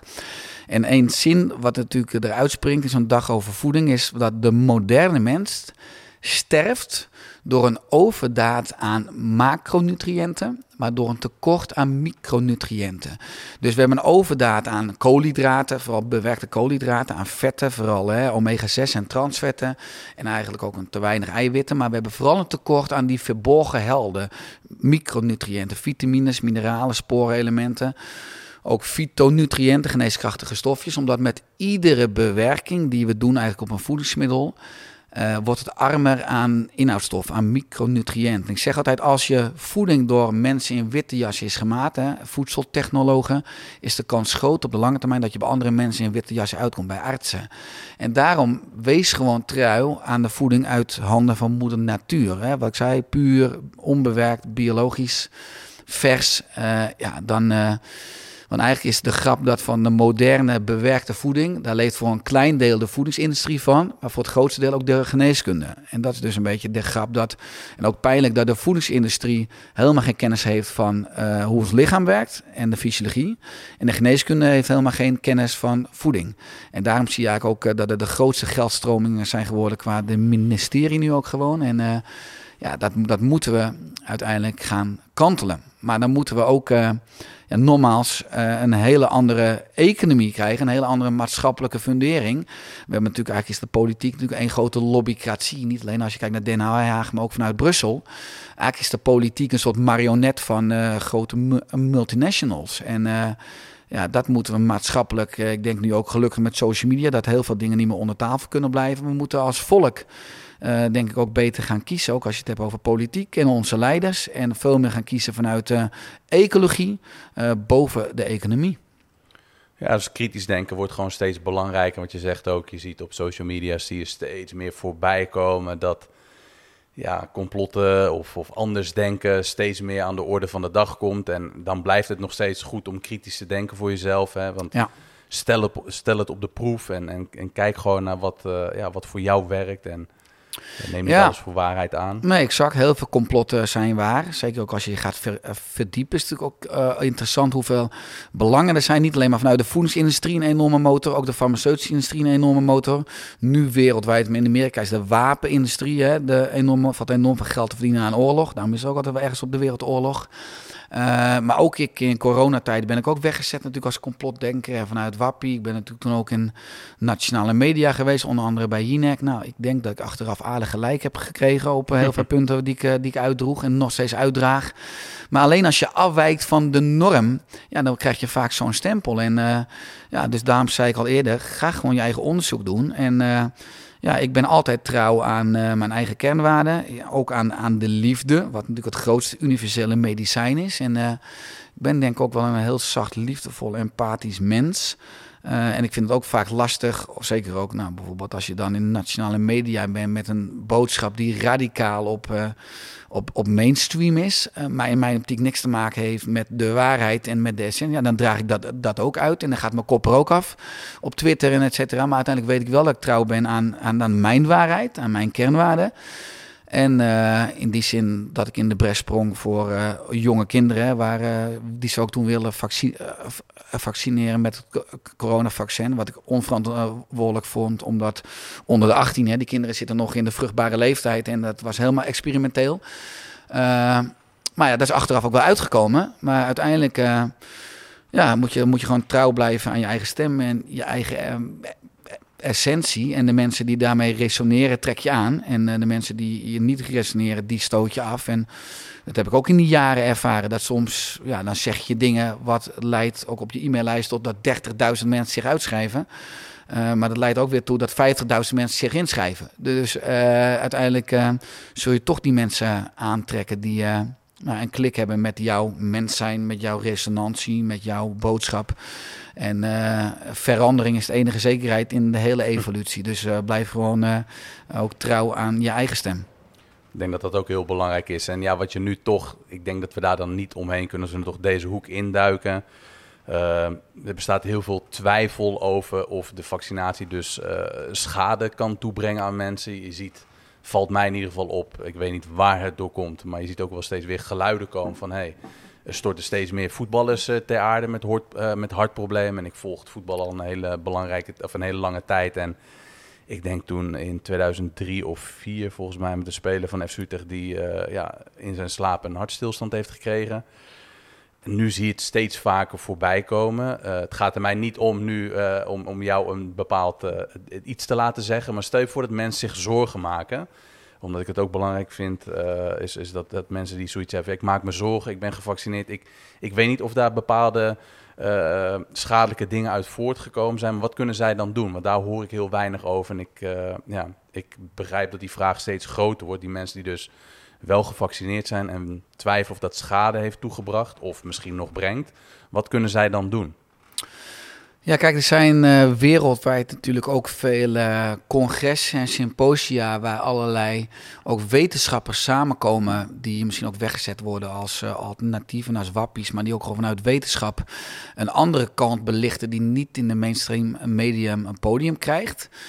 ik zit even te bedenken hoe die nou heet. Die heet Pieter, ik weet niet of hij Pieter McAllister heet. Voor mij is het een Schot of een Amerikaan. Die heeft inmiddels ook een protocol gemaakt.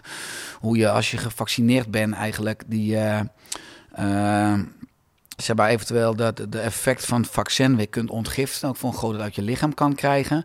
Ik volg zelf bijvoorbeeld nog steeds Maurice de Hond. Die ook iedere week een goede nieuwsbrief heeft. En ook dit soort informatie allemaal bundelt op zijn platform. Uh, maar als je het hebt over die voetballers. Ja, dan zie je hè, dat ter aarde storten dat dat veel vaker voorkomt komt dan het voorkwam. Dus dat is opvallend. En dan moet natuurlijk op zoek naar de oorzaak. Ik denk zeker dat er natuurlijk al te lang een onverklaarbare oversterfte is. En dat de vraag die gesteld mag worden, dat de reguliere media die niet stellen. Van zou het kunnen komen door uh, het coronavaccin en door vaccinatieschade? Ik denk zeker dat dat zo is. Ook zeker als je gaat kijken naar de experts die dat helemaal mooi onderbouwen met, met mooie grafieken. Uh, maar nogmaals, daar is best wel veel over bekend. Ook over internationale symposia. Met gewoon gewaardeerde wetenschappers die hun naam al hadden waargemaakt op hun vakgebied. Alleen dan moet je ook buiten de huidige reguliere mediapaden. Ik zie mezelf ook niet helemaal per se als expert op dit gebied hoor. Dus ik, uh, ik zou me niet per se laten ontlokken tot uh, revolutionaire uitspraken. Maar ik verwijs dan gewoon naar dat soort podia waar dat soort dingen heel goed statistisch onderbouwd en ook wetenschappelijk vindbaar zijn. Uh, maar inderdaad, dat is gewoon erg zorgwekkend als je het hebt over oversterfte. En uh, dat we allemaal blootgesteld zijn aan een enorm experimenteel vaccin. Ook onder een soort psychologische massadruk. Uh, natuurlijk ook wel misschien een beetje onethische principes van op een gegeven moment deed het niet alleen maar voor jezelf, maar ook voor, voor de ander. En ja, ik heb ook ervaren dat ik, ik ben niet gevaccineerd, dat ik niet meer in de horeca kwam en ik niet meer het zwembad in mocht en de sportvereniging. Wat natuurlijk een enorme rare gewaarwording was. maar dat deden we allemaal vanuit het perspectief van de volksgezondheid. Nou, enorme farmaceutische, lobbycratische druk. Uh, we komen nu steeds meer natuurlijk achter de bijwerking, ook op de lange termijn. We weten het nog ineens allemaal, maar uh, ja, met experimenten kan je in mijn optiek beter toeschouwer zijn dan deelnemer. Als je oud bent of in risicogroepen zat, begreep ik het nog. Hè? Maar uh, nogmaals, als je niet chronisch ziek was, dan was in mijn optiek de beste keuze om je niet te laten vaccineren. Wat nu ook uit alle onderzoek eigenlijk komt. Uh, maar ja, als het kalf verdronken is, dan dempt men de put. Ik denk dat we hier gewoon, zonder hier dan heel naïef of zuur over zijn, heel erg weer van mogen leren. Want de experts zeggen, we zitten in het decennium van de pandemieën. Ik bedoel, de, de, de mens gaat als een soort plaag over de aarde heen. Hè? Als je kijkt naar hoeveelheid miljard mensen er zijn, er zullen nog meer infectieziekten aan komende jaren. Die kans is er ontstaan. Ja, hopelijk zullen mensen dan wel betere keuzes gaan maken. Want je ziet gewoon bij angst en bij extreme angst, dan gaat het oerbrein wordt doorbloed. Mensen kunnen niet meer logisch nadenken. Mensen gaan dan ook de kudde volgen. Hè. Dan ga je ook een beetje dat, dat kuddegedrag. En ook de leiders. Nou, in dit geval was dat uh, Hugo de Jonge en uh, Mark Rutte.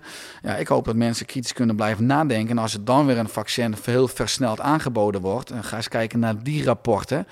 Uh, hoe die uh, vaccins ontwikkeld zijn. Ja, dat is ook eigenlijk onethisch hoe snel ze op de markt als veilig bestempeld zijn. En uh, eigenlijk ook is dat dus niet een vaccin, maar veel meer een experimentele DNA-ingreep. Ze hebben de definitie van het vaccin aangepast. Dus ja, ik vind het gewoon allemaal als mens heel erg zorgwekkend. En uh, ja, ik denk dat er zeker een evolutionaire bottleneck gaat ontstaan. Hè. Ik bedoel, als je gaat kijken naar de antropologie, dan zeggen allerlei experts van er komt een, uh, een mogelijk een zesde uitstervingsgolf. Hè. Er zijn al vijf grote uitstervingsgolven geweest. Hè. De laatste was natuurlijk met de dinosauriërs. Ja, hoe wij als mens nu leven, dan zijn we ook heel erg bezig misschien wel met onze eigen uitsterving. Als je kijkt naar uh, de roofbouw die we plegen. Maar ja, zo'n vaccin zou er ook best een factor in kunnen zijn. Hè. Tenminste, ook zeker dan die vaccinatie.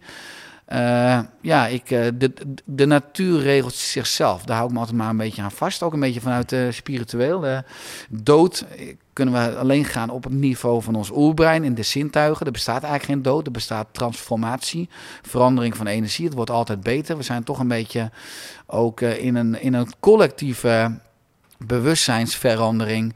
Uh, ja, waar de ziel is onsterfelijk, dus die kan toch nooit doodgaan. Dus dat geeft al rust. Uh, uiteindelijk worden we allemaal weer sterrenstof. Uh, we zijn ontstaan vanuit de oerknal en we worden allemaal weer, weer sterrenstof als je kijkt over miljarden jaren. Uh, ja, dus het kan niet fout gaan. Dus daar vind ik ook een bepaalde mate van rust in. En ik denk dat liefde altijd wint en overwint. Maar het is wel heel interessant dat er nu allerlei crisissen zijn. Hè? Klimaat, nou, ook volksgezondheid. Uh, nou, ook nu natuurlijk met, met oorlog. Met, nou, met, met dat we geen, geen vlees meer moeten mogen eten, wat echt larikoek is. en dat we het veel meer zoeken in, in plantaardig. Uh, ja, dat zie ik aankomende jaren de chaos echt nog wel toenemen. Maar uiteindelijk zal er een betere orde ontstaan. Ja, en het vertrouwen blijven houden in een goede afloop. En kijken wat je zelf vooral kunt doen. Wat er ook gebeurt als er een gezondheidscrisis komt. Zorg in ieder geval dat je zelf zo gezond mogelijk bent. Want dan ja, is de kans het grootst dat je het overleeft. Ja. En nu in tijden van ja, extreme oorlogen en dergelijke. Ook weet niet of het al eerder een keer zo erg is geweest uh, sinds ik en sinds jij leeft. Uh, dus ja, het is dan heel moeilijk om positief te blijven. En, en uiteindelijk is dat dus wel heel belangrijk, want dat is het enige wat je kan beïnvloeden. Je kan niet beïnvloeden dat er geen oorlog meer is, maar je kan wel positief blijven. En dat heeft dus invloed op jouw leven, op jouw gezondheid.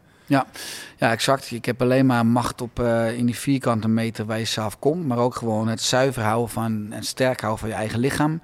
Maar ook het zuiver houden van je eigen mentale tuin als je het hebt over je gedachten. Want iedere gedachte is ook een zaadje die je plant. Hè? Een plantje een bloem of plantje onkruid. En ik denk dat uh, als je je eigen systeem gewoon zuiver en schoon en sterk houdt, dan kan je ook van meeste waarde zijn op uh, de vierkante meter waar je in de wereld komt. En, uh, en als je kijkt naar volksgezondheid, ja, komende 15 jaar gaat de pleuris uitbreken. Dus dan, we hebben nu al een zorginfarct met wachtlijsten.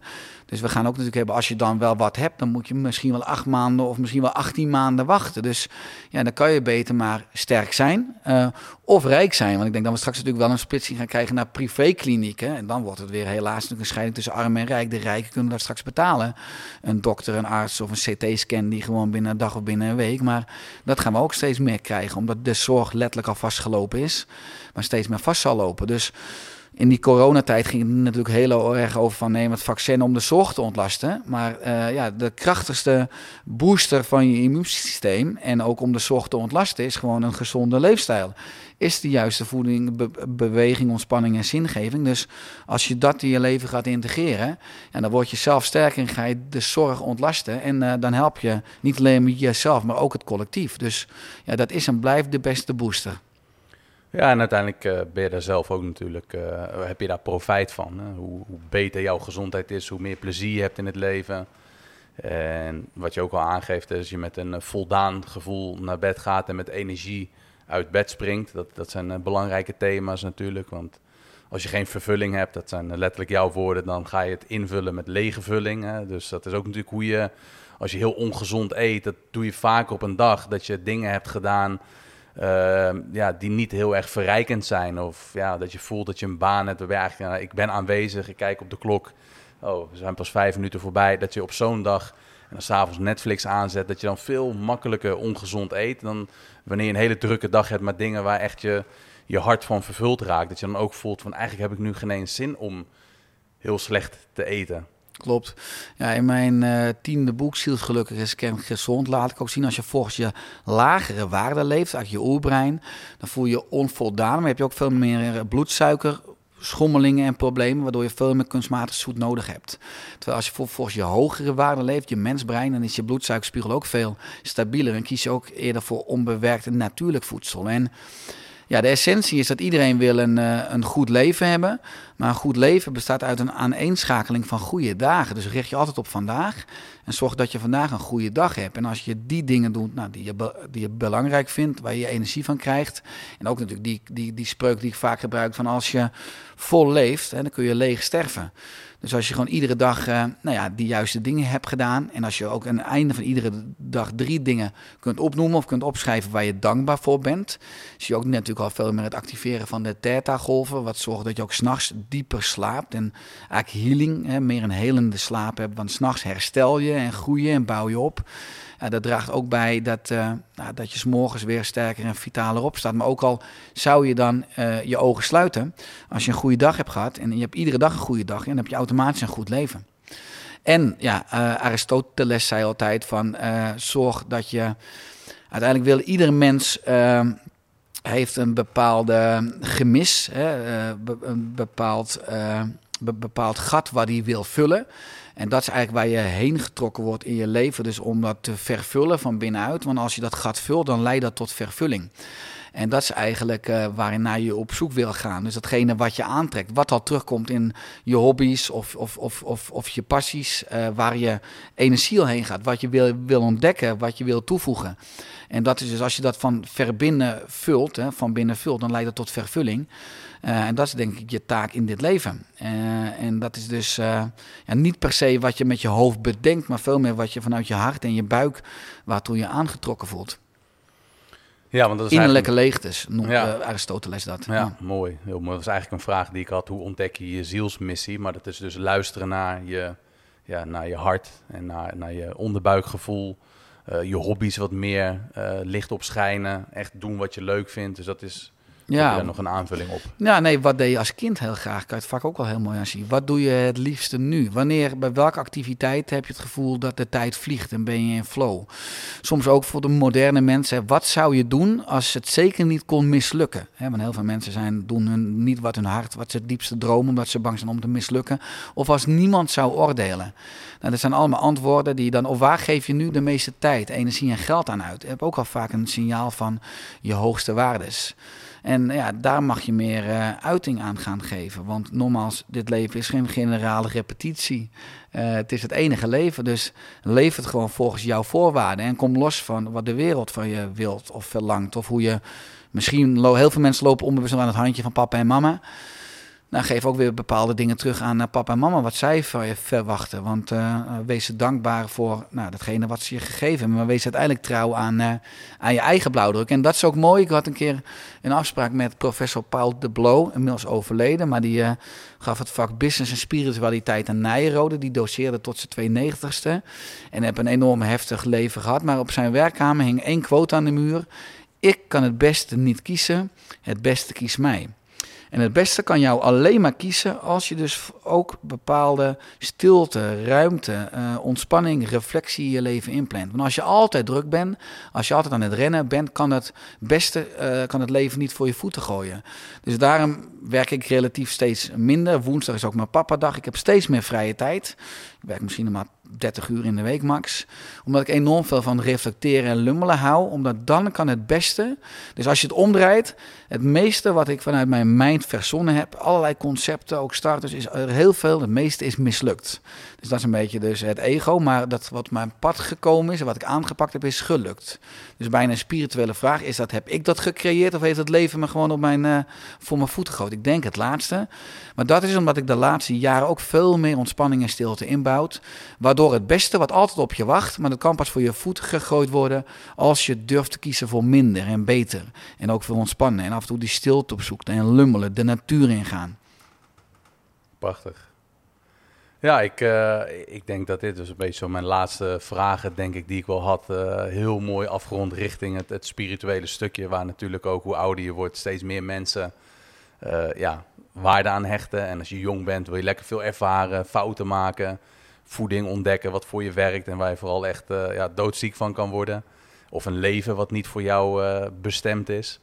Ik denk dat het een beetje allesomvattend is, dat we best wel in vogelvlucht alle thema's hebben behandeld. Je hebt natuurlijk gigantisch veel podcasts, uh, boeken geschreven, dat mensen toch ook wel als jou al kennen, heel veel van je hebben gehoord, maar dat het eigenlijk nooit genoeg gehoord kan worden totdat je de boodschap begrijpt. En dat het ook heel mooi is dat het gewoon blijft terugkomen, dat je het opnieuw kan luisteren. Net zolang tot het voor jou aanslaat of resoneert. Ja, ik, ik, denk, ik tracht altijd heel veel verschillende onderwerpen te combineren. Maar dat een soort holistisch plan is excuses natuurlijk alweer voor uh, luisteraars die gaan zeggen van jeetje, wat praat die gast snel. Dat, is, dat blijft een uh, punt waar ik aan mag werken. Maar als ik zelf enthousiast ben en gepassioneerd, dan uh, ga ik sneller praten. Maar ja, ik vind het enorm fijn en dat noem ik altijd het gezondheidsvirus, hè, ook weer via deze podcast, om toch weer wat zaadjes te kunnen planten. In, vooral in de, in de harten en ook in de hoofden van de luisteraars en de kijkers. Hè, dat mensen toch weer geenthousiasmeerd worden om nou, kleine dingetjes aan te passen, nog beter te gaan leven, sterker te worden, een beter leven te krijgen. Uiteindelijk samen die uh, aarde vitale door te geven aan de volgende generatie. Uh, en ook dat gezondheidsvirus, wat harder nodig is dan ooit weer uh, verder te verspreiden. En ja, het voordeel is van het virus, je kunt alleen maar bewuster en vitaler worden. Dus het heeft alleen maar voordelen. Dus ook dankjewel Tony voor het podium. Ja, jij enorm bedankt. Ik denk ook mooi voor de luisteraars om even te beseffen. Ik denk dat ik jou een jaar geleden benaderd. Ja. En uh, dat vooral belangrijk is, soms ja, lijkt het onmogelijk, maar weet je, zit je hier toch in de stoel, moet je er even op wachten. Moet je vooral ook niet opgeven. Ik denk dat dat ook wel een, een belangrijk is. Maar ja, vooral veel dankbaarheid naar jou, namens de luisteraars die jou al volgen. En waarschijnlijk de mensen die jou niet kennen. Ik denk niet dat er veel zijn, maar die zullen jou ongetwijfeld ook dankbaar zijn voor alle lessen die jij de mensen voorschotelt. En ook weer nieuwe coaches opleidt. En waar ik vooral heel veel respect voor heb, is dat jij niet opgeeft wanneer je bijvoorbeeld in, uh, op een bepaalde manier in het nieuws komt. Je durft uit te spreken. En daar heb ik uh, ja, heel veel, of daar kijk ik echt wel naar op hoe, uh, ja, hoe je dat doet. Want dat is niet niks. Ik denk dat dat soms ook wel eens wordt onderschat. Weet je wel, als jij je uitspreekt en dan vervolgens ja, op internet eruit gepikt wordt. En kleine dingetjes die je zegt worden samengeknipt. Of mensen zijn het er gewoon helemaal niet mee eens wat je zegt. Wat natuurlijk ook mag, maar dat dat ook niet niks is het werk wat je doet aan één kant en de kritiek die je daar ook weer voor krijgt, dat, uh, ja, dat hopelijk mensen goed beseffen dat het niet allemaal aankomt waaien. Dat jij je nek uitsteekt voor, voor de hele, of in ieder geval voor heel Nederland, denk ik, tot dusver. Klopt, ja, dat valt niet altijd mee. Dat is zeker niet altijd leuk, maar uiteindelijk zijn het ook vaak achteraf wel weer leraren die mij confronteren met bepaalde wonden die ik heb of bepaalde overtuigingen, waardoor ik altijd weer vrijer word en ook kan groeien. Nou, nogmaals, ik ben een mild persoon. Er zijn soms ook twee parallele werelden en we begrijpen elkaar soms ook echt niet. Maar ja, volg altijd de weg van je eigen hart, je eigen waarheid. En dat doe jij ook. Nogmaals, ook, we zitten hier nu, alles heeft een juiste tijd, juiste plaats. Het heeft vooral een jaar geduurd omdat ik een jaar met mijn gezin in Spanje woonde. Maar uh, ja, ik heb genoten van deze reis naar Utrecht. En uh, ik hoop ook dat we deze podcast weer gaan reizen. Uh, ik hoop dat mensen waar nodig ook gewoon vooral lekker gaan delen en doorsturen. En ja, dat we samen zo gewoon bijdragen aan, aan, die, aan die betere wereld. Ongetwijfeld, daar ben ik van overtuigd. Top, Richard. Ja, hartstikke bedankt. En ja, wellicht tot een volgend moment. En graag Tony. En alle goeds met dit mooie platform. Dankjewel. En hetzelfde. En luisteraars, kijkers, top. Dankjewel weer. Uh, voor het kijken, luisteren en uh, voor jullie uh, trouwe volgen. Wordt gewaardeerd. elke vorm van een berichtje of het delen van de podcast wordt enorm gewaardeerd. Ik reageer denk ik altijd wel op inboxberichten. tenzij je me wat probeert te verkopen. Maar goed, dank jullie wel en tot de volgende aflevering. Zo, ja, lekker. Mooi gesprek. Tof.